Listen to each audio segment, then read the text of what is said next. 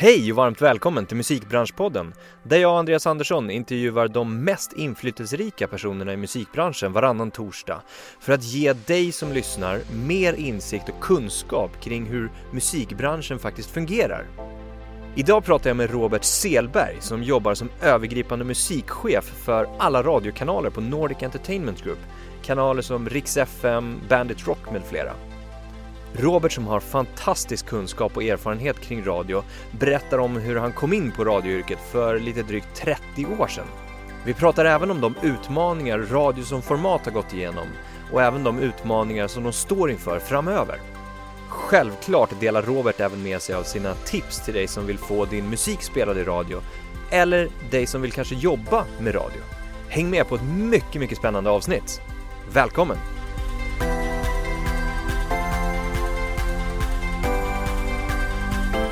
Robert Sällberg, varmt välkommen till Musikbranschpodden. Tack. Allt bra? Jättebra. Det är, det är fredag, jag känner att det är så bra stämning i lokalerna. Ja. Uh, känner mig jättetaggad. Och det här tycker jag var jätteintressant. Uh, för att jag började blicka, jag är ju en person som blickar väldigt mycket framåt. Men uh, när vi pratade om det här programmet så började jag tänka själv, vad har jag varit med om? Ja. Vad är det som har hänt under dessa år? Och då såg jag en ganska lycklig resa.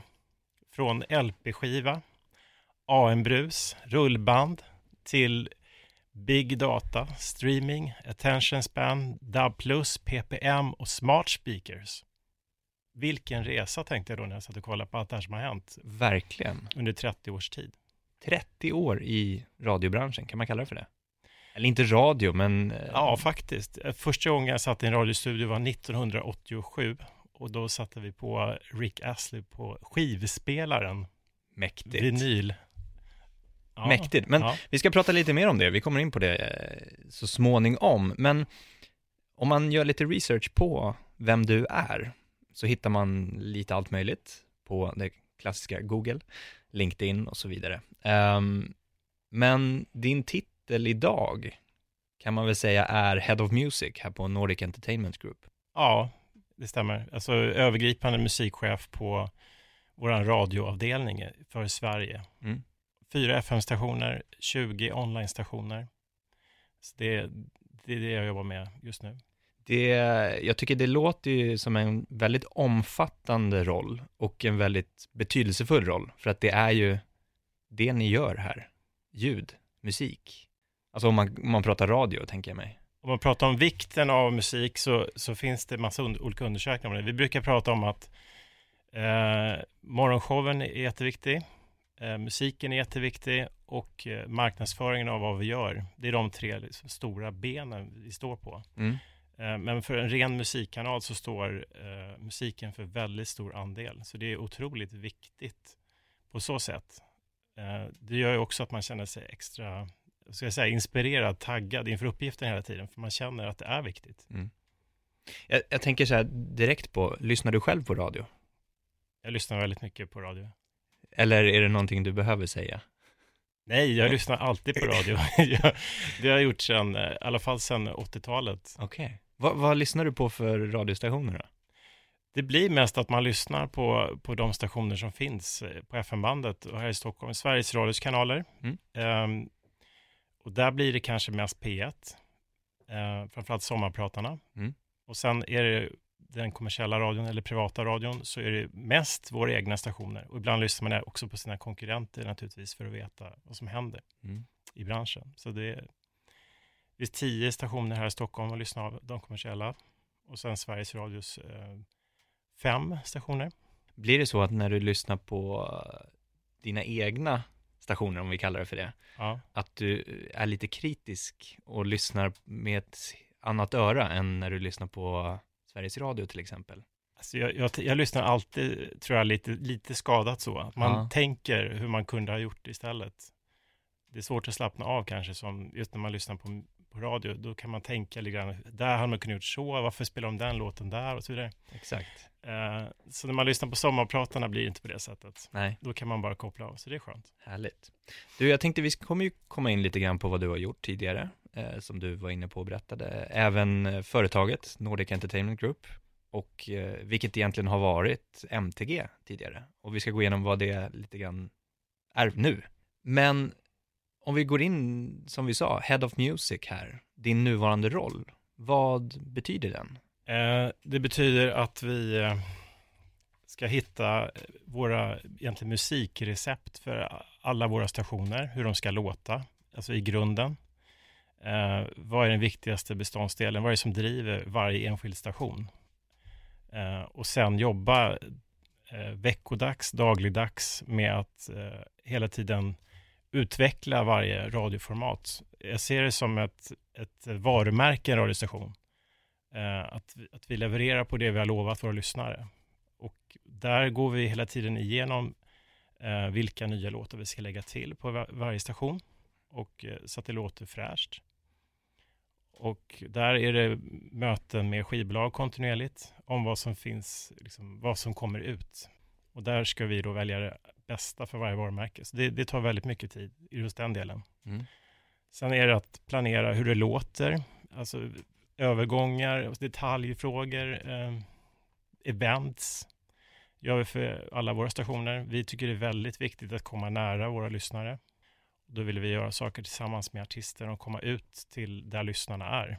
Till exempel Riks FM-festival. Det är ett bra exempel. Ja.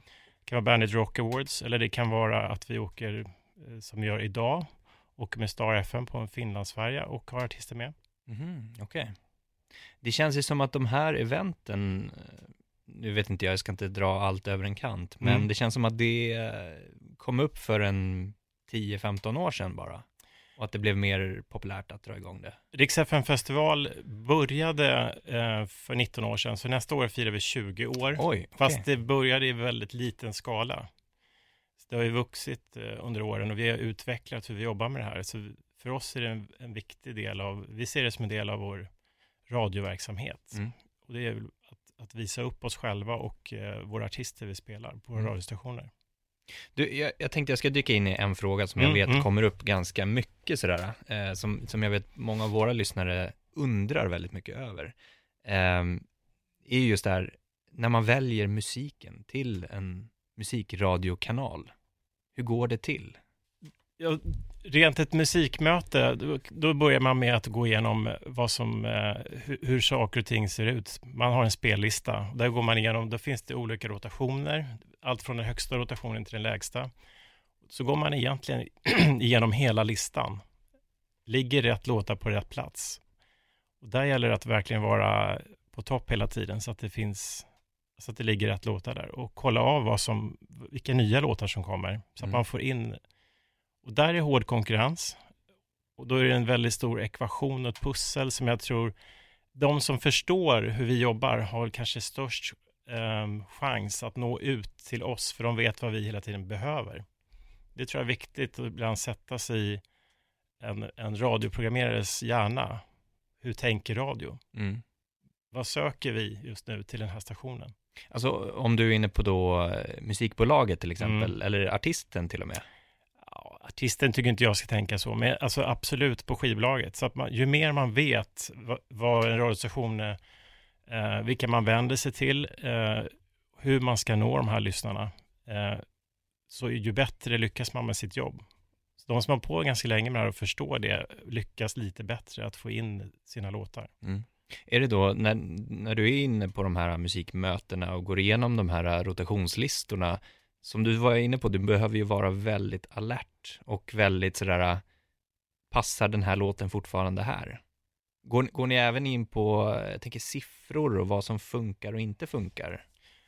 Absolut, och det här, nu kommer vi till något jag kallar för art and science. Uh. Uh, science, det är all vetenskap, det är, all, det är egentligen algoritmen som man pratar mycket om idag, som, som man får fram via olika mätsystem.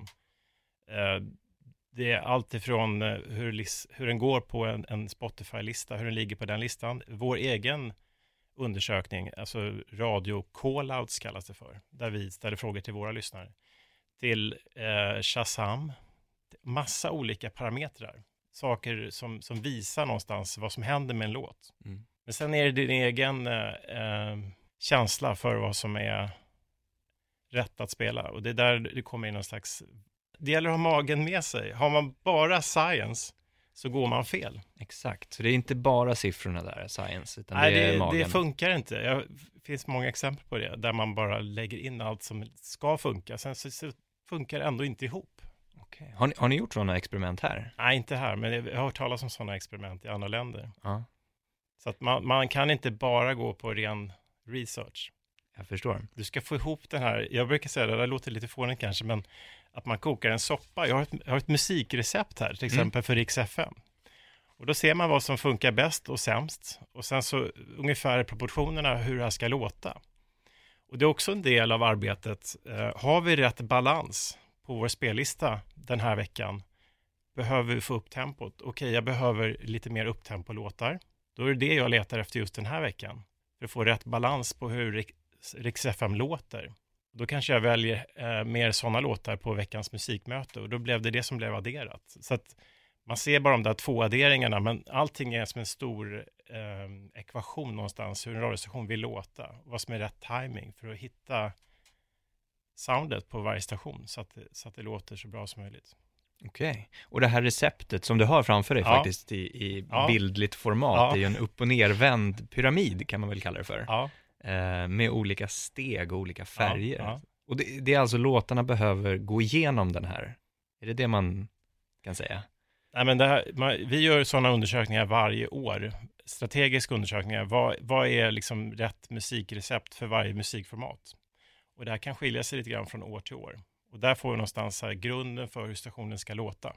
Mäktigt. Det är det stora musikmötet, det Ja. är en gång per år. Men sen är det alltså de här små stegen hela tiden.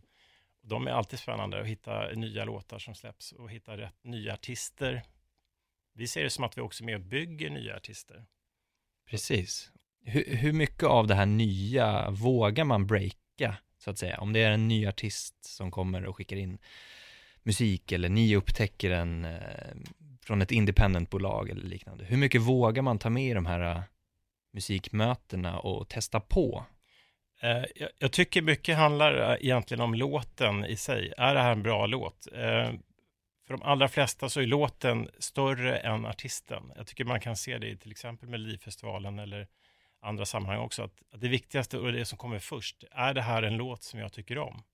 Absolut inte på något sätt farligt att introducera nya artister i radio. Tvärtom så finns det ett spänningsmoment att, att höra nya saker. Så vi tycker, vi vill ju hitta nya saker. Eh, och det är ju nästan det roligaste faktiskt, att hitta det nya Mm.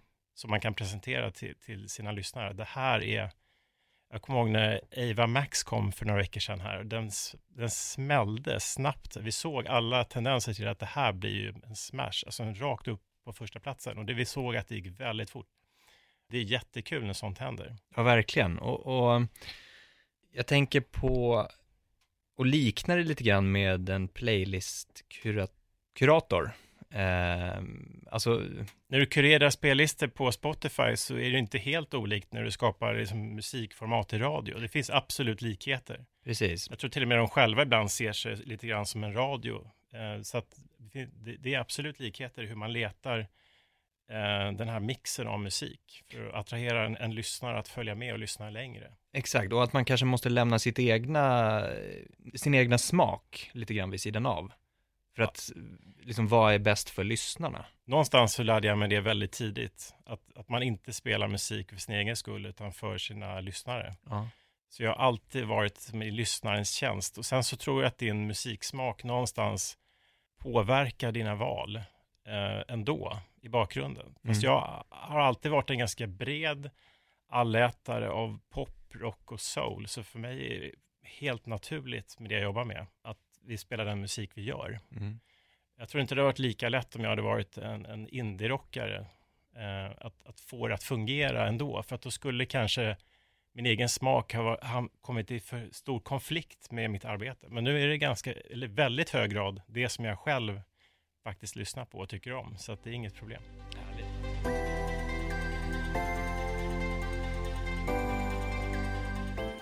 Vi ska gå in lite på vem du är nu också, Ja. tänkte jag. Nu har vi betat av den vanligaste frågan här.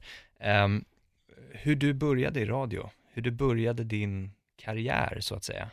Eh, det började när jag gick i gymnasiet och då var det närradio här i Stockholm.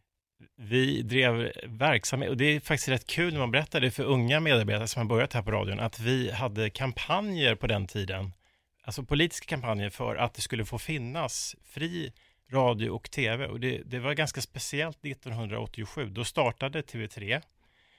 Ganska precis innan det här så ville en minister förbjuda parabolantenner. Det, det var en ganska speciell tid och nästan overklig idag att se framför sig. Så vi, vi var entusiaster som, som brann för radio. Jag hade lyssnat på Radio Luxemburg på min lilla AM-radio hemma på pojkrummet. Och eh, kände att det här var jättekul. Varför får vi inte göra det här i Sverige? Och det kom ju sen senare. Den, den privata radion etablerades i Sverige 1993. Så det var sex år efter det här. Men det var tidens anda och vi var entusiaster som ville göra popradio. Vi gjorde topplistor i närradion. Så jag höll på med det varje vecka och vi, vi eh, jag blev som fast i det här, alltså radio addicted. Man blir som, det är svårt att förklara. Vi som jobbar med radio blir lite där verkligen brinner för vårt arbete. Mm. Häftigt. Det är ett otroligt kul eh, media att jobba med. Mm. Och det här är alltså 30 år sedan, pratar vi nu. Ja, lite drygt till och med. När kom du in liksom på eh, och började jobba rent konkret med radio? Eh, där jag fick lön, för första fem åren fick jag betala för att hålla på med det här. Och det gjorde jag gladeligen, men när man fick lön för det här också så var det helt fantastiskt naturligtvis. Jag hade sänt en topplista på närradion i fem år och fick eh, frågan av Kent Granqvist på Radio Stockholm om jag ville ta över Radio Stockholm topp 20 för att han skulle sluta göra den listan. Och eh, för mig var det som att ramla av stolen. Det var helt fantastiskt att få en sån fråga. För, mig, för jag hade verkligen lyssnat på Radio Stockholm som en stor förebild i lokalradion i Stockholm. Så för mig var det en jättechans, så att jag hoppade på det direkt. Det var hösten 1992. Och sen 93 började jag också jobba mer och mer med musiken. Och då, då kom jag in på att sen börja jobba med musiken på Radio Stockholm som musikredaktör. Så det var vägen in där. Ja. Och innan dess, ska jag tillägga också, hade jag jobbat som eh, i två år innan det här då på Åhléns Citys skivavdelning i Stockholm som eh, tror jag förmodligen pikade ungefär de här åren 91-92. Då sålde vi både eh, CD-skivor och vinyl.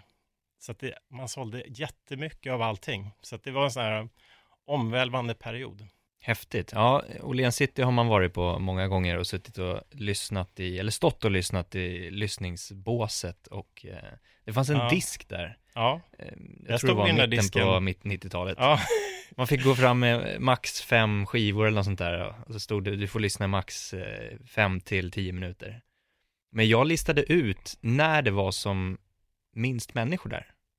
Alltså det vill säga precis när Åhléns öppnade på helgerna. Då var det inte mycket människor där. Då var jag där och plockade på mig massa, massa skivor. Gick fram till båset och då kunde jag stå där i en halvtimme. Ja, det fanns perioder när det var så mycket folk så att det var trängsel framme vid en hylla där man plockade sina singlar. Ja. Så vi stod nästan och skottade ut eh, vissa sådana här, Céline Dion, My Heart Will Go On, tror jag vi sålde nästan tusen exemplar på en vecka. Oj. Det var mycket på den tiden. Ja. Så, ja. Och det här, det är ju så häftigt, det är inte så länge sedan egentligen. Nej, det är ju inte det. Nu det pratar det, vi 20-25 år. Ja, det är det jag menar att det var enormt stort och sen så har det dött helt och hållet mm. och blivit en helt annan. Egentligen så finns ju allting kvar. Alla lyssnar fortfarande på musik, kanske mer än någonsin, fast på ett annat sätt. Ja, verkligen. I, om vi tittar tillbaka på hela din helhet, vad har varit eh, den största utmaningen i din karriär, så att säga? Ja, det är möjligtvis när jag kom till Radio Stockholm. Jag jobbade ju nästan dygnet runt i ett år då för att komma in i allt det här och som ta en plats där och jobba med det här helt enkelt. Så det, det var tufft men otroligt kul. När du gjorde det, hade du den inställningen att det här kan ta mig någon annanstans, att det här, det här, den här brinnande passionen för radio och musiken eh, visar jag att jag vill jobba till exempel, så kan det här ta mig någon annanstans också? Jag tror jag aldrig tänkte så. Jag tänkte bara att det här var så otroligt kul att få jobba med det här på heltid. Ja. Så det, det, var, det var så att chefen fick säga till mig att gå hem sen. Det var så? ja, det var, så var det faktiskt. Men, men, men det resulterade ändå i att du visade att du ville någonting. Eh, resulterade det i att du då tog nästa steg, så att säga?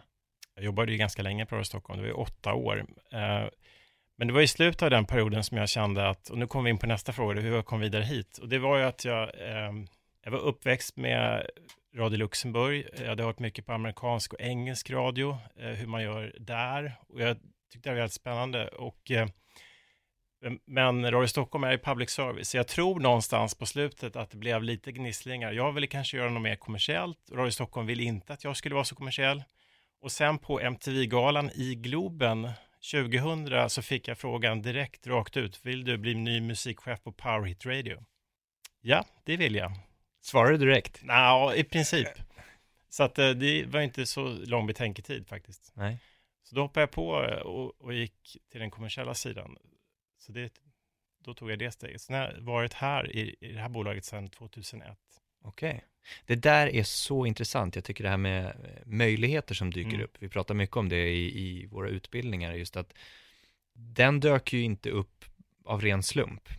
Den dök ju upp för att du hade visat hårt, alltså engagemang, hårt arbete och sen hade du ju någonstans säkert tänkt på, jag vill jobba med mer kommersiellt.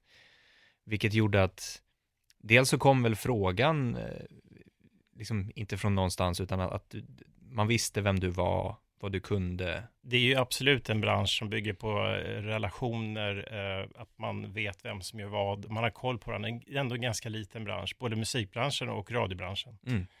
Och sen också, jag tänker på, det här med att det var ganska lätt att ta beslutet. Så hade du väl någonstans funderat på att det vore kul att göra det här också? det var inte ett jättelätt beslut, men alltså just när man får den frågan och känner något, då återigen magen kände att jag vill göra det här, så mm. då tog jag det steget. Mm. Det kändes rätt. Och då har du varit här sedan 2001? Ja. 17 år? Och haft ganska många olika titlar, vad jag förstår det som. Eller Absolut. Roller. Jag har varit musikchef, programchef på, på Power Radio. Jag var musikchef på Energy eh, och sen har jag varit musikchef på Rix FM och nu också övergripande musikchef för våra kanaler. Och eh, det är lång tid, men vi har suttit på tre olika adresser och vi, det händer väldigt mycket i den här branschen hela tiden. Så det känns inte som att den är stagnerad eller står still. Det känns som att det är, ja, det är alltid spännande. Så att, eh, ja, det har varit väldigt roliga år om du måste välja någonting som har varit det allra roligaste, jag är väldigt mycket här och nu, så jag måste säga att det, det, som har känts som det roligaste så här långt, det var faktiskt i augusti nu när vi blev nationella med Rix FM. För att för oss betyder det så otroligt mycket att alla kan höra det vi gör.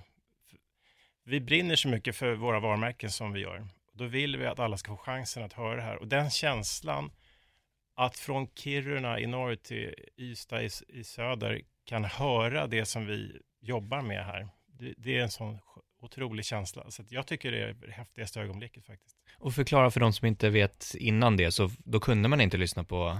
Då hördes Rix FM på 21 orter i Sverige. All right. Och då var det lite så ihåligt där det inte hördes. Ja.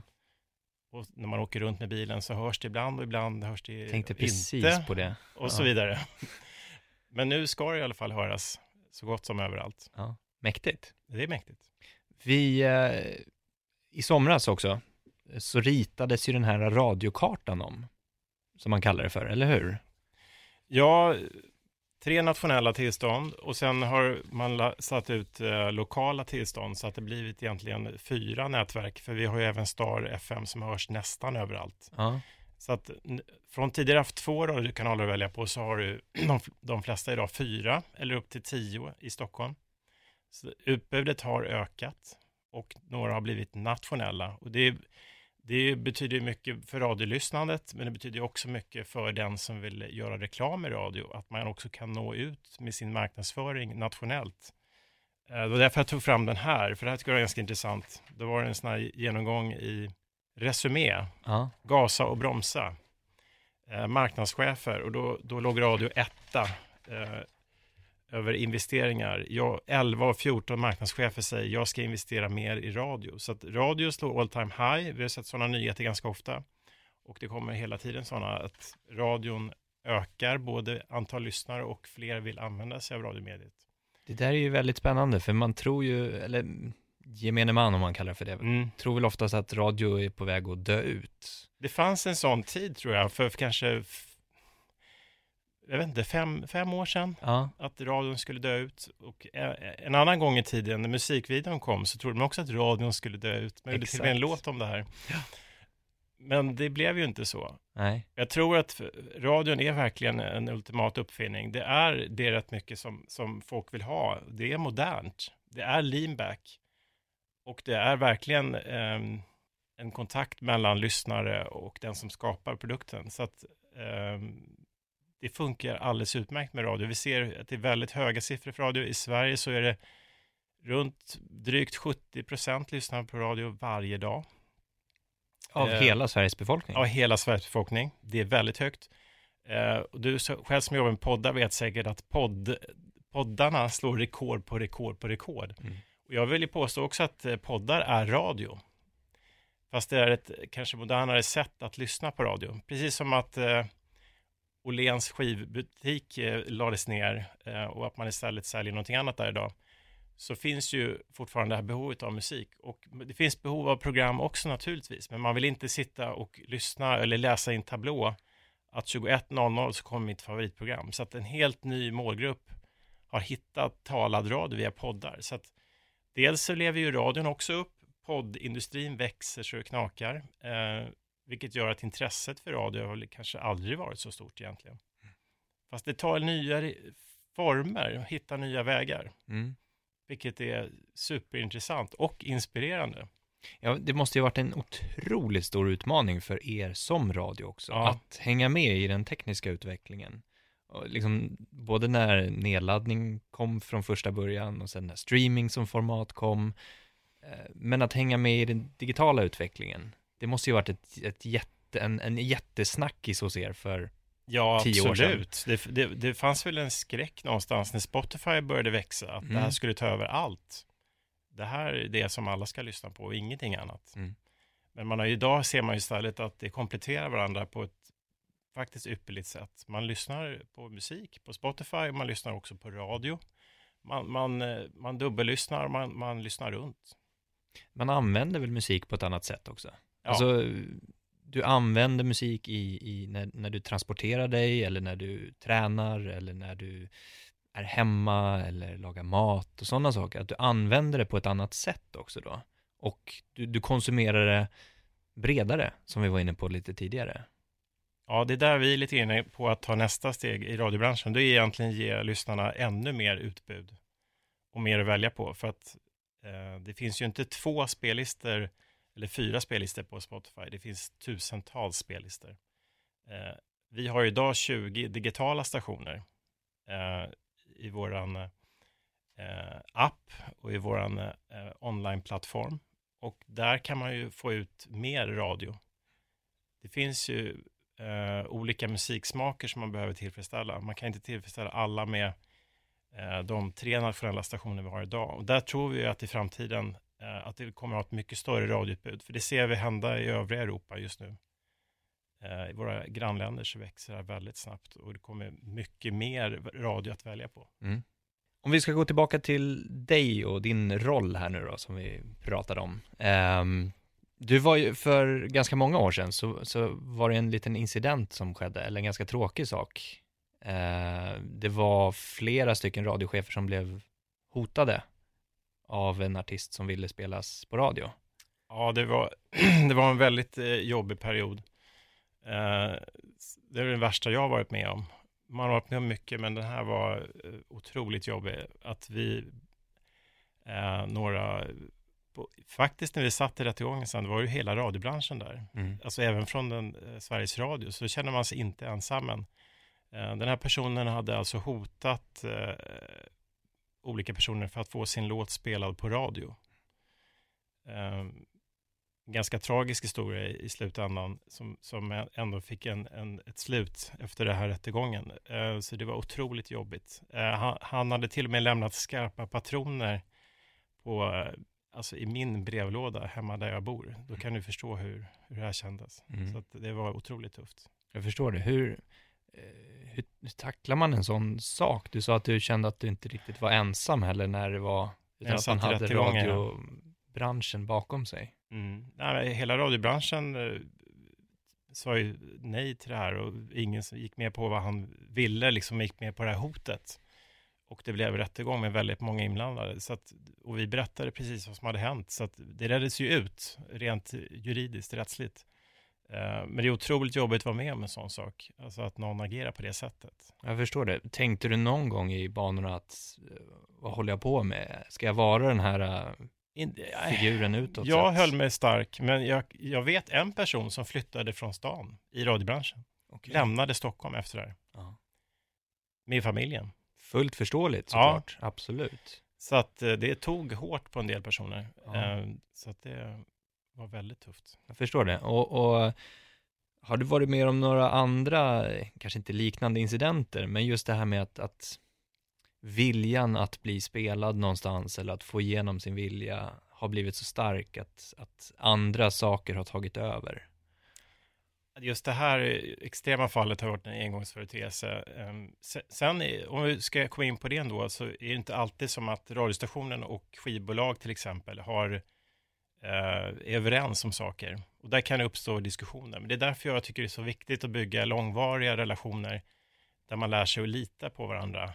Eh, och, så jag försöker verkligen bygga det med de här som jobbar. Och jag känner ju väldigt många princip alla som jobbar på skivbolagen, men också de som är i ledande eh, positioner. Mm. Så att de vet vad vi gör. Jag, där försöker jag bli mer, jag kallar det för säg, transparent. Mm. Alltså berättar hur vi tänker, jag visar upp mycket mera siffror. Jag visar så här, exakt hur många är det som faktiskt lyssnar på en låt. Mm. BBC, Radio 1 gör det här och Rix FM. Alltså hur många lyssnare har vi tagit fram då under en vecka hör en låt? Eh, det är bara ett exempel, men också mycket annat. Jag vill att vi verkligen så här berättar, det här är ingen, ho- ingen skumverksamhet, utan exakt hur tänker vi och varför tänker vi som vi gör. Eh, och sen så kan det komma en sån position där, eller ett sånt tillfälle att en artist som, eh, som inte kom in på playlisten den här veckan är superviktig för skivbolaget. Då kan man ändå sätta sig ner och diskutera det här, hur man ska hitta en lösning. Det var mycket svårare för ett tag sedan än vad det är idag. Idag har vi fler radiokanaler så vi kan hitta var den här låten ska starta, var den sen kan växa eh, och så vidare. Just de här 20 digitala och 4 FM, det finns mera möjligheter än vad det gjorde för, vi säger 15 år sedan. Det där måste ju vara väldigt uppskattat av, av personerna på, på skivbolagen då så att säga. Ja, det lugnar ner sig lite, för jag vet ett, ett tag på, vi säger första delen av t- 2010-talet, eller vi säger för 10-15 år sedan, när det inte fanns de här chanserna och det kom låtar som inte riktigt passade de stora stationerna. Mm. Att man blev väldigt pressad från sitt hög, ja, head office från New York och London, att den här ska in på playlist nu. Vad Mm. gör du för att det här ska hända? Och då blev de här personerna också väldigt stressade att det här måste hända. Och då pressade de er att Ja. det här måste in, det här måste in. Ja, katten på råttan. Ja. Och sen blir det väldigt så här, jobbig situation till slut. Mm. Men har, ju fler kanaler vi kan få ut i Sverige, i olika musikformat, så är det lättare att få ut saker till lyssnarna. Mm. Eh, för det är det här musikreceptet igen. Om det säger till exempel att hiphop är helt fel för Rix FM, vilket det är då, då, då, då går ju inte det att spela hiphop på Rix FM. Men vi har Power Street som är en specialstation som bara spelar det. Vi har nu också en indie-kanal och vi har massa olika format. Så man kan börja låta låten växa i sin rätta miljö och sen kanske bli bredare längre fram. Du, du nämnde det att du gärna är en person som blickar framåt och Ja. inte så mycket bakåt, Ja. du fick gå igenom ganska mycket inför Ja, den här inspelningen eh, för att påminna dig om vad, vad har du gjort för någonting? Vad har, vad har resan bestått av egentligen? Ehm, men framåt, om, hur, långt vågar du blicka framåt för din egen del? Eh, här på radion, tänk, nu tänker vi åtta år framåt. För vi har tillstånd för åtta år för vå- våra FM-stationer. Så det är ett, det är ett sånt uh, tänk vi har, åtta år framåt. Men jag tänker kanske inte åtta år framåt, jag tänker kanske fem år framåt. Mm. Eh, och där vi är nu, som vi pratar mycket om, det är att till exempel de här smarta högtalarna st- står liksom och kanske blir årets julklapp. Jag har själv beställt den, ska få den här nästa vecka. Okej, ja. Det ska vi börja med att experimentera med. Eh, där tror vi ju kanske att eh, beteendet kommer att förändras. Alltså behovet av radio eller musik finns alltid där. Men hur du använder tekniken för att lyssna på det förändras över tid. Så där gäller det att hänga med och förstå hur det här fungerar. Mm. Och då, eh, precis, då tänker ni fem år framåt från idag då, hur man eh, kommunicerar med den här smarta högtalaren eller hur man använder musik på olika sätt. det experimenteras sedan två år tillbaka vet jag på Sveriges Radio. Vi har hållit på med det här också under flera år. Eh, så att vi är förberedda för den här teknikskiftet kommer nu. Eh, och eh, då tänker vi oss kanske att Förut har man själv tryckt på next-knappen, nästa, när man byter station. Men nu kommer man att prata med sin högtalare istället. Mm. Om det nu blir så. Mm. Men man ser den utvecklingen komma i USA, därför tror man att den kanske kommer hit också. Om du får beskriva den här, du var fem år fram i tiden. Mm. Vad, vad, vad händer där? Om du målar en liten bild av vad som händer där framme. Jag, jag, jag ser framför mig att, att tekniken kommer underlätta. Det kommer finnas mera valmöjligheter överallt. I, i ditt kök, i din bil. Eh, överallt finns det ganska mycket egentligen och det är ganska lätt att få det du vill ha rent tekniskt. Eh, streamingen funkar ju redan väldigt bra i Sverige, där ligger vi i framkant, men det kommer vara ytterligare någon ytterligare starkare 5G eller vad nu nästa är, 6G. Det kommer gå ultrasnabbt och det kommer finnas överallt. Och där ser jag framför mig att det är otroligt viktigt att ditt varumärke är starkt och ligger top of mind hos användarna. Det är det som är nyckeln till att lyckas i det här landskapet, för att det kommer finnas så mycket att välja på. Det där med top of mind är otroligt intressant. Nu när det, nu, nu går vi tillbaka lite grann mm, till idag mm, också, mm. de här smarta högtalarna, att det första folk söker på när de får in en, en ny smarthögtalare i hemmet, de fem första artisterna, kan ju vara det avgörande för vad resterande baseras på. Alltså om du säger då ABBA, Beatles, David Bowie och två andra. Och sen din kommande, när du kommer hem om ett år och säger spela någonting jag tycker är kul att lyssna på en tisdag eftermiddag.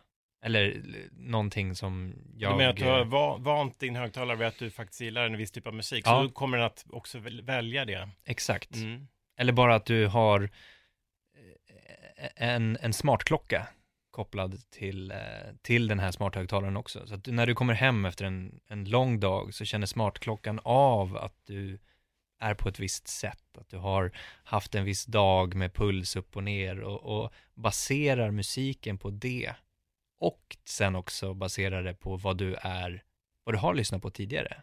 Ja, men jag, jag, känner att hela upplägget är ju top of mind baserat någonstans. För att när du sitter på en, en plattform, i vår egen till exempel, då, då, har vi våra 20 stationer. Då kan du ju välja lätt här mellan dem. Då kanske du hittar någon ny du inte hade tänkt att lyssna på. För du mm. såg, ja vad är det där?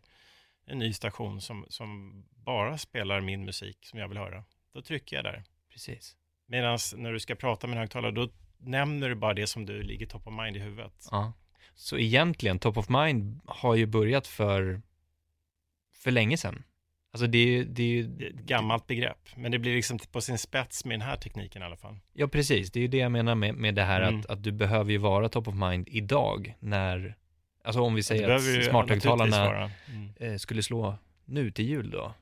Att det är nu du behöver vara top of mind och svårt att bli, komma in i det sen. Att, att det, lite som det här tränga igenom filtret på något sätt. Det sätter ett beteende. Ja, exakt du säger till din högtalare, spela Rix FM, ja. spela Bandit Rock, spela Power It Radio, så, så kommer det upp på två sekunder. Otroligt intressant i alla fall tycker jag. Ja, då måste du ha satt ditt brand, ditt varumärke. Jag pratade, jag pratar också ganska mycket med eh, personer på skivbolag, A&Rs eller eh, liknande, där man pratar om hur man breakar en artist och hur man nu har gått från eh, man tog sig an Spotify ganska kraftigt att wow, det här är världens chans att nå ut och så vidare och playlists och så vidare. Um, och vissa hävdar, inte alla, men vissa hävdar att, att radion ändå har den här betydelsen. Uh, Alltjämt så, uh, i alla fall om du tittar över 25 år, så upptäcker man ny musik via radio. Mm. Och det här är ju tydligt överallt i världen. Uh, att att det är där man upptäcker och först exponeras och får nya eh, artister som du tycker om och får en relation till. Mm. Och sen då kanske går in och adderar den här eh, låten i sin egna playlist på Spotify. Exakt, och det är ju, man ser ju väldigt mycket ung musik som kanske kommer mer från hiphop, eh, R&B sidan eh, som drivs av Spotify. Eh, och den går väldigt starkt och den hör du inte lika mycket på radio, men den drivs av en, en yngre konsument. Och där har ju vi också stationer, fast inte lika stora som Rix FM. Men, men just den här publiken som, som vänder sig till en, en vuxnare lyssnare, när vi spelar de låtarna på radion, eh, för all del också Ava Max som toppar Spotify-listan, men, men också en sån artist som Smith Tell har vi, har vi fått upp nu, så att den ligger som är veckans hitvarning den här veckan på Rix FM. Nu ligger den Eh, på den övre halvan av Spotify-listan. Och det är mycket tack vare radio. Så att när du hör eh, en låt på radion så är det lätt att det ligger top of mind hos dig när du ska sitta och välja låtar sen på Spotify. Så det är klart att det påverkar. Och det får vi höra från skivbolagen hela tiden. Att, att när ni börjar spela den här låten, då ser vi hur låten går upp i streaming. Mm. Så det, det påverkar. Mm.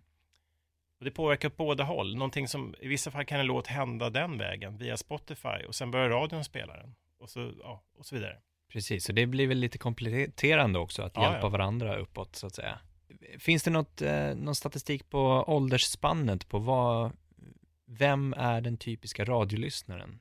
Du menar en sån här, den mest, jag tror att den mest, som konsumerar mest radio är något äldre eh, och har bil. Mm. Jag skulle säga att, att det är förmodligen så pikar det någonstans, eh, säg 35 till 55 just billyssnandet är så starkt och det är så enkelt att lyssna på radio i bil. Mm. Så där har du den typiska radiolyssnaren. Fast du har ju naturligtvis alla typer av radiolyssnare eftersom 72 procent lyssnar en helt vanlig dag. Men om det bara, eller en typisk lyssnare så har du liksom den största eh, andelen lyssnare där. Mm. Jag ser även eh, mindre kontor med lite äldre eh, målgrupp ha på radion i bakgrunden kanske. Du kan möta det lite var som helst. En trendig modeaffär. Du kan eh, vara ute på ett bygge mm. där man lyssnar på Bandit Rock till exempel och vill ha den typen av... Det blir ju ett sällskap också när du jobbar. Mm. Det är ju fördelen med radio. Mm. Att du kan göra någonting annat samtidigt som det här står på. Mm. Och att du slipper, jag tror många kanske känner det, att man slipper välja aktivt en spellista eller gå in på en artist och lyssna eller liknande, utan du får det serverat. Ja, det är radions stora styrka och ja. någonting som även Spotify har gått över till rätt mycket, alltså att servera lyssnarna med färdiga koncept. Att man skapar, vi skapar musikformat i radiostationer, de skapar spellistor, så att de allra flesta är vad man kallar för lean back. Eh, och det innebär egentligen att jag vill luta mig tillbaka och bli serverad. Mm. Och jag litar på att du kuraterar eller fixar till det här så att det blir riktigt bra. Vad det nu är jag har behov av just nu. Om det är lugn musik, om det är partymusik, rockmusik eller vad det nu är. Så vill jag att du skapar åt mig. För jag har någonting annat för mig. Jag ska göra läxan, jag, jag ska ja, surfa lite. Mm. Jag bara ha lite underhållning på under tiden. Så det handlar ju om att skapa det här förtroendet. Ja. Att ni behöver ha ett förtroende vi bygger från en, lyssnarna. Vi bygger en relation med lyssnarna. Mm. Så den är väldigt personlig. Så att jag tror radio är mycket personligare på det sättet än vad tv är. Man märker det också när man pratar med lyssnarna. De tycker verkligen att de känner oss. Eh, så det är ett jätteförtroende från lyssnarna. Så vi, vi gör saker tillsammans med lyssnarna väldigt mycket. Där bygger vi en familjaritet i våra morgonshower och bjuder in lyssnarna hela tiden att vara med i, det vi gör. Mm.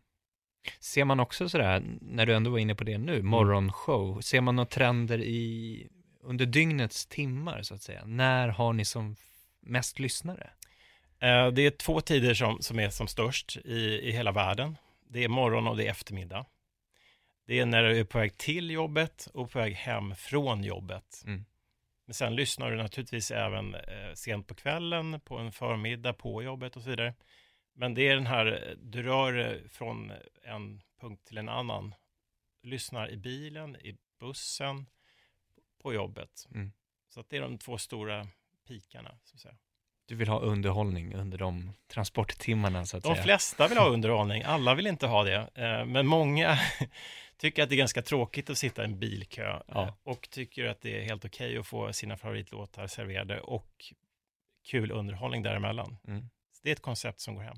Och apropå bil där igen då, ja. eh, och, och, framtid. Tror du att ni kommer ha en utmaning där? När det blir mer och mer smarta inbyggda högtalare i bilarna också framöver. Ja, det är nästa grej. Jag köpte ju en smart högtalare. Nu ska jag köpa Apple CarPlay. Mm. För det, ska, det, det fick jag ett mejl från min billeverantör. Att nu finns det här tillgängligt för din bil. Så nu ska jag undersöka det här, vad det här innebär för mig. Ja, Om det här kommer ändra mitt beteende. ja men exakt. Mm. Att du då kliver in i bilen istället för att mm, när du slår igång den så startar radion automatiskt och så har du dina Ja, du får, förvalda... du får ett större utbud. Ja, och att Men- du kan prata lättare och då kommer top of mind in Då kan igen. man återigen prata till bilen, hörde jag här nu också. Så att det blir som en smart speaker inbyggd i bilen. Så jag Ah, säger alltså åt Precis. eh, Apple CarPlay vad jag vill höra. Mm, Igen då. då. mm. Jag behöver inte ens trycka någonstans. Då, då är du där igen, top of mind. Ja. Du måste ha ett, ett, eh, ett otroligt starkt varumärke som relaterar till det du är intresserad av och har, byggt en relation till och som du känner någonting för, får passion för. Så vi, det, det brinner vi mest för egentligen, bygga de här varumärkena. Mm. Lyckas vi inte med det så kommer vi inte att lyckas med det här. För att det kommer att finnas mycket att välja på i köket, i bilen, på jobbet, överallt. Det kommer att vara miljoner val.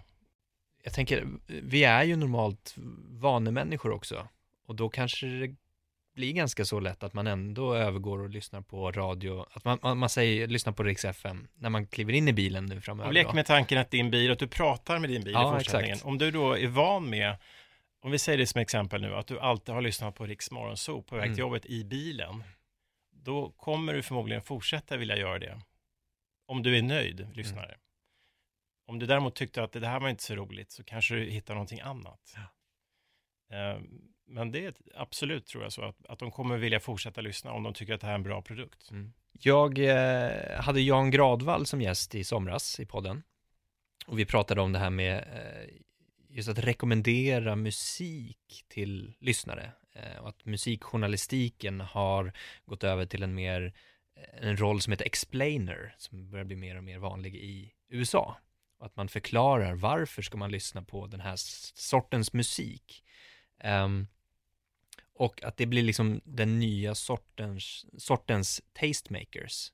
Ehm, och här tror du att radio kommer utvecklas mer och mer inom den rollen, att förklara för lyssnarna varför man, Vi är redan där. Eh, jag, jag, vi säger det numera att vi är eh, influencers. mm, Bara för att prata ett språk som även en reklambyrå tycker känns modernt. Mm.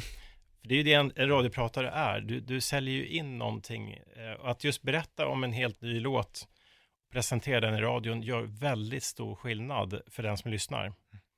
Och vi ser ju det också via forskning, att om någon presenterar en helt ny låt på ett väldigt inspirerat sätt, så lyssnar du vidare på den låten. Eh, hade du inte gjort det på ett inspirerat sätt, knappt ens nämnt någonting och bara spelat, dragit på den låten, då kanske du som lyssnar undrar, vad hände här? mm, Det här var, det här var inte det jag, det här har jag aldrig hört, vad är det här för konstigt? Alltså, Du får en, det är väldigt viktigt att du får eh, den här passionen för musiken, att du kan eh, förklara vad det här du spelar och berätta lite grann om artisten. mm, Då blir du jättenyfiken och vill höra vidare. mm. Så det är en stor del av, av eh, programledarens jobb att förklara den nya musiken, vad det är för någonting vi spelar. Och det är den som blir den förtroendegivande armen, eller länken mellan lyssnare också. Ja, där vi bygger den här relationen med lyssnaren, Mm. med artisten också i slutändan. En spontan tanke som slog mig nu bara, eh, det här med AI. Kan, kan det bli så? Jag vet inte om, du behöver inte ha svaret, men jag bara tänker, eh, kan det bli så att en AI, alltså en smart dator, i framtiden skulle kunna ersätta programledare? Det, det kan jag inte utesluta. Jag tror nutidigt, nu, som det är idag tror jag inte att en, en robot har eh, den liksom finkänslan Nej. som krävs för att det ska bli personligt och eh, naturtroget. Det skulle bli ganska stelt. Vi brukar nästan ha det som en nidbild. Du ska inte låta som en robot. Alltså du är en människa. Mm. Var dig själv, var naturlig. Det, är- Mm. det är vår mantra, ledord till våra programledare. Eh, för att när man börjar låta stel, opersonlig, konstlad, eh, styltig, då blir du en robot. Mm. Och det är inte det som lyssnarna vill ha. De vill ha en kompis. De vill att du pratar till dem, precis som, som deras kompisar gör till dem på bussen, eh, hemma, eh, på jobbet, överallt. Så att vi, vi måste skapa den här personligheten och tilltalet som de tycker om. Och sen om en robot klarar det i framtiden, vem vet? Men jag tror inte vi är där ännu. Men om 30 år kanske? Kanske, det utesluter ingenting. Nej, vi får se. Det kanske blir ännu mer personlig än en person. Ja, vad vet vi? Vi får se. Den som eh, lever får se, som sagt. Um, du har ju lite andra roller också. Uh, än bara jobba här på, uh, som, som musikchef. Tänker de här juryuppdragen som jag också har. Ja, men exakt. Mm. Du har ju två stycken kan man väl säga. Uh, jag satt också med i, om du kollade på finalen av Eurovision Song Contest så var jag med i den svenska juryn där för, för, för och röstade. Mm på årets tävling i Eurovision Song Contest. Eh, sen har jag sedan länge eh, varit aktiv i juryn i eh, Grammisgalan, till Grammisgalan. Sen har jag under några år också suttit med i Svenska Melodifestival urvalsjuryn eh, som väljer ut hälften av bidragen som är med i Melodifestivalen. Just det. Och det är ju ett ganska stort jobb. Det är väl många som skickar in där, va? Ja, det är någonting som Sveriges Television själva går ut med. Jag tror förra året var det 2700 bidrag, mm. någonstans där. Jag har inte exakta siffran. Eh, men vi i urvalsjuryn, vi sitter under nästan en vecka och lyssnar på ofantliga mängder låtar. Jag kallade det här för, efter första året, för lumpen i demolyssning. alltså har man inte gjort det så har man inte varit med om någonting när det gäller att lyssna på demos. Okej, okay, och där kan man ju säga då, då behöver du ha magen med dig. Där måste man ha magen med sig. Där måste man släppa alltså, massa så här, strategiskt tänk. Vi får inte heller veta, det står ingenstans vem som har skrivit eller vem som sjunger. Ibland hör man vem som sjunger. Okay. Men, uh, och sen så ska man bara låta hjärtat tala till dig. Mm. Känner jag någonting när jag hör den här låten eller känner jag inte någonting? Mm. Har, har, ni då liksom en, en inte hög, en kanske hög och en ja hög när ni väl liksom sitter och lyssnar på den? Att, för, för att sålla ut dem? man, man lyssnar och sen så säger man om man tycker det här är bra, då räcker man upp en hand och sen så går den vidare för nästa lyssning. Okej, ja, ni lyssnar tillsammans ändå? Ja, vi lyssnar i alla tillsammans. Ja, spännande. Um, det måste ju vara jätteroligt ändå kan jag tänka mig. Det är jättekul, ett jättestort förtroende att få sitta med i den här juryn. Uh, jag känner ju att alla dessa upphovsmakare som, som gör musiken, och sen vilken roll den här tävlingen spelar i Musiksverige så känns det absolut som ett jätteförtroende att sitta med i den här juryn och det är jätteinspirerande att, att jobba med det här. Så det har varit en, ska säga, väldigt tuff utmaning. Det är bland det tuffaste jag har gjort. Mm. Alltså, det tar väldigt mycket på dig när du sitter och lyssnar på så mycket musik under så lång tid. Men det ger väldigt mycket tillbaka. Stänger du ner en vecka senare och inte lyssnar på någon musik? Ja, det, det är faktiskt en av de få gånger jag har hänt att jag inte har velat höra en enda låt i två dagar. Ja, jag kan tänka mig det. Så det, det säger väl en del om hur mycket man konsumerar musik en sån vecka. Och hur länge har du suttit med i den här juryn? I fyra år. Okej. Okay. Och du vill fortsätta? Det får vi se. Ja. Lumpen fyra år i rad. Ja, men man vänjer sig lite. Första året var ju tuffast. Ja. Då, då blir det ju väldigt ovant och hur man ska hantera det. Man vänjer sig hur man ska bara luta sig tillbaka och känna med hjärtat. Mm. Och sen när det gäller Eurovision där då, eh, då sitter du med i den, den juryn, den svenska juryn som ger eh, de internationella poängen. Ja, du får inte rösta på Sverige då. Nej, nej precis. det var också väldigt svårt. Då skulle man alltså rangordna från 1 till, vad blir det, 26. Vilken var bäst och vilken var sämst. Och dessutom så publiceras ju alla siffror på en hemsida som alla kan läsa. Men där är ni också en grupp, det är inte... Ja, en grupp. Ja. Fem personer. Okej.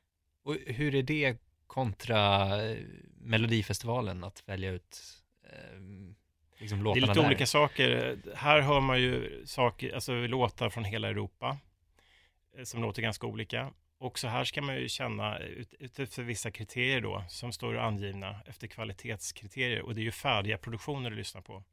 Och du får också se ett uppträdande. Mm. Så att det blir lite mer som vägs in i när, när du lyssnar på en demo som inte alla gånger är helt färdig.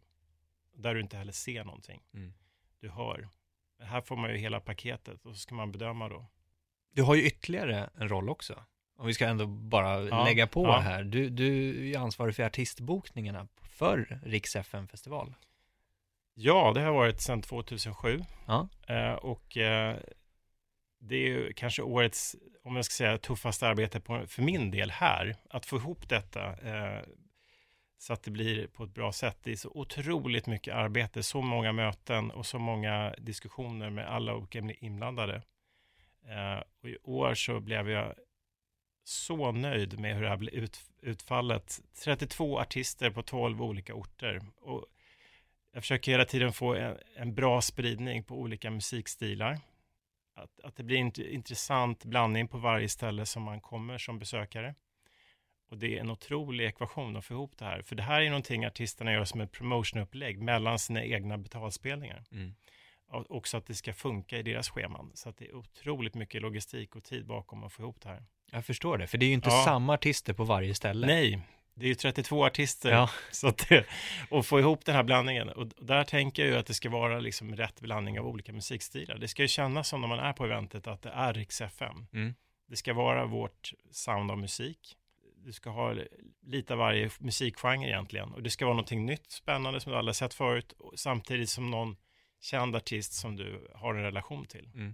tänker man någonting på liksom eh, vart, var lyssnarna befinner sig någonstans? Om det säger, men, Det finns skillnader i landet. Eh, Precis, och, Mm. och tänker du på dem då när du bokar? Ja, men det, dels kan det vara om artisten själv kommer från staden så är det jätteintressant för då blir det mer lokal förankring. Mm. Ehm, sen, sen så kan vi ju se att publiken är lite olika i Malmö, Göteborg Stockholm. Stockholm är ganska kräsna, är van att få väldigt mycket. Vill ha väldigt stora kända artister. Mm. Malmö vill ha en lite mer urban touch kanske. Och Göteborg vill ha, ja, brukar dra lite mer åt rockhållet. Men, men också där kanske lite mer familjära artister. Det här kan jag tänka mig, precis som du säger, det är ju en jätteapparat. Mm. Det är ju ingenting som du slänger ihop på en eh, två dagars i, till våren, utan du behöver väl ha en Nej, det, konstant... det, det tar eh, alltså från, från eh, egentligen jag börjar med året runt, men det här Ja. är alltså från januari till sista augusti, Mm. varje dag. Och ha den här eller, kommunikationen med artisterna. Ja, artister, management. skivbolag, management. Ja. Eh, Men, men för oss är det, det är en stor promotion-turné där vi, eh, vi vill lyssna, eller vi vill bjuda våra lyssnare på en upplevelse och eh, där de får se artisterna som är de mest spelade på Rix FM, träffa våra programledare. Mm. Det är liksom grunden i hela konceptet. Så att vi vill ju göra det till en så bra upplevelse som möjligt för de som är på plats naturligtvis. Det verkar ju funka jättebra eftersom ni har hållit på ändå så pass länge. Ja, 20 år nästa år. Ja. Och det är ju stora spelningar.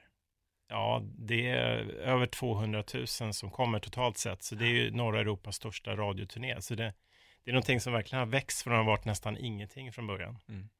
Mäktigt. Ja, det, man- där känner man också ett stort ansvar att leverera. Ja, jag förstår det. Ja,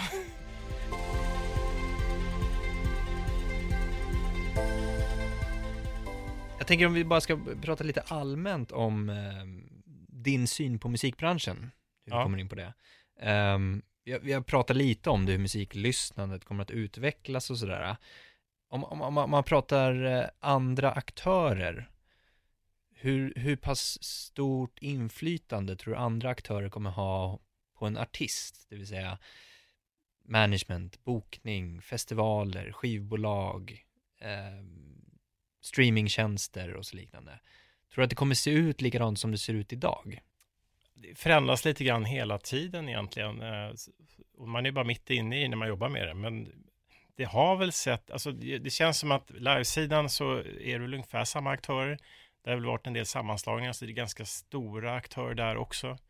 Eh, på radiosidan är det två stora bolag, på livesidan jag har inte exakt koll på, men det är ju fler än en i alla fall, så att det är ju några bolag som, som jobbar med det. Streamingsidan så slåss de mot varandra. I Sverige så är ju verkligen Spotify i den stora aktören, men det kommer ju flera eh, och vill in där. Så att konkurrensen om, om eh, att träffa de här kunderna, lyssnarna, fansen eh, som vill uppleva musik eh, hårdnar ju hela tiden, så är det ju. Mm. Och det känns som att du behöver vara väldigt på tårna och i framkant för eh, och att välkomna utveckling. Ja, det, det är extremt hård konkurrens. Jag tycker det det som någonstans triggar mig också. Att vi kan inte ta någonting för givet. lyssnarna har så lätt att, gö- att välja någonting annat. Mm. Så vi måste verkligen vara på tårna hela tiden och ha den här kontakten, verklighetskontakten med våra lyssnare och Mm. inte tappa den. Vara relevanta för dem och intressanta för att hela tiden locka dem till att lyssna vidare. Så det är ju någonting som gör att man känner hela tiden det här. Det, det, för mig triggar det jättemycket att känna den känslan. Kul. Du ska få ge lite tips här också, när Ja. vi ändå har dig Ja, här. ja. Ehm, kopplat till radio såklart.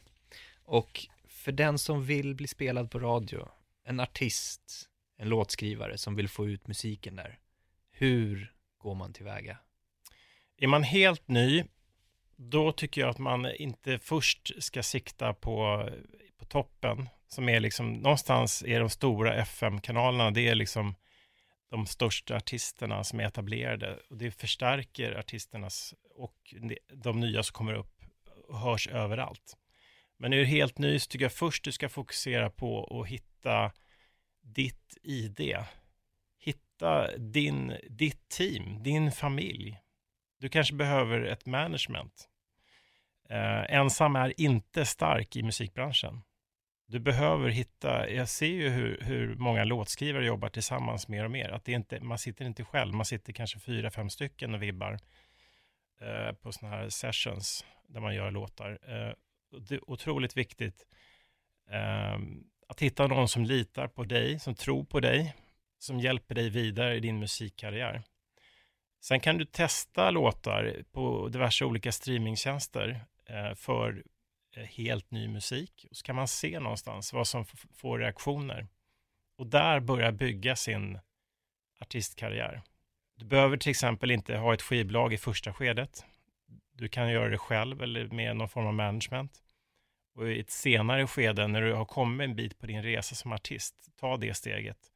För att du kanske känner att du behöver ett skivbolag, för att du behöver eh, få mer hjälp och råd kring marknadsföring, gör det här större, du kanske vill nå ut utomlands eh, och så vidare. Men du ska inte, du ska inte, du måste hitta dig själv först och ditt team. Det är otroligt viktigt. Snyggt, bra tips. Mycket bra sammanfattat. Ehm, om det är någon där ute som vill jobba med radio på något sätt, hur ska man gå tillväga då och, och ta sig in?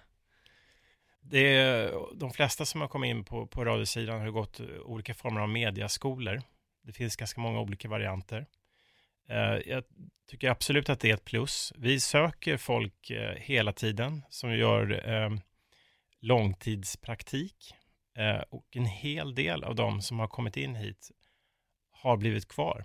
Så att det, det, är, det är ett slags lärlingssystem nästan. Vi kallar det för långtidspraktik. Man kommer in, man, blir, man kommer in i gänget eh, och sen så fungerar man i teamet och levererar så blir man kvar. Mm. Det är så man kommer in. Fast oftast har man den här bakgrunden att man, man har ju naturligtvis gått skolan och sen en mediautbildning. Eller kanske någon annan form av utbildning inom event, in, inom sociala medier eller någonting som kopplas till det vi gör. Bra tips där också. Nu ska ju du få en fråga från föregående gäst, det vill säga Pelle Lidell. Han undrar ju då om du fick spendera en hel dag i studion med din favoritlåtskrivare eller artist, vem skulle det vara? Det är superenkelt. Jag skulle alla dagar i veckan välja att sitta en hel dag i studion med Max Martin. Coolt. Har du träffat honom någon gång? När jag jobbade på Radio Stockholm, då var inte han lika känd. Då ringde han till mig och ville att jag skulle komma ner till hans studio och lyssna på Jessica Folker. Wow. Så det, vi satt och lyssnade på Jessica Folker och då sa han där, by the way, så har jag en ny amerikansk ung tjej som jag tycker du ska lyssna på. Det var Britney Spears. Hon dök upp ett halvår senare sen. Det var ett ganska kort möte, men det skulle vara otroligt häftigt att sitta med honom en hel dag och se hur han jobbar med Bara iaktta. jag är otroligt eh, imponerad och fascinerad av, av hur han jobbar med musik och produktioner. Och du ska få ställa en fråga till nästa gäst. Ja, då är frågan så här. Du är ny ägare till en musikklubb. Vem blir den första artisten som uppträder på din klubb? Bra. Vi får se vem det är som svarar på Ja. den frågan. Robert, stort tack för eh, härligt samtal. Tack själv.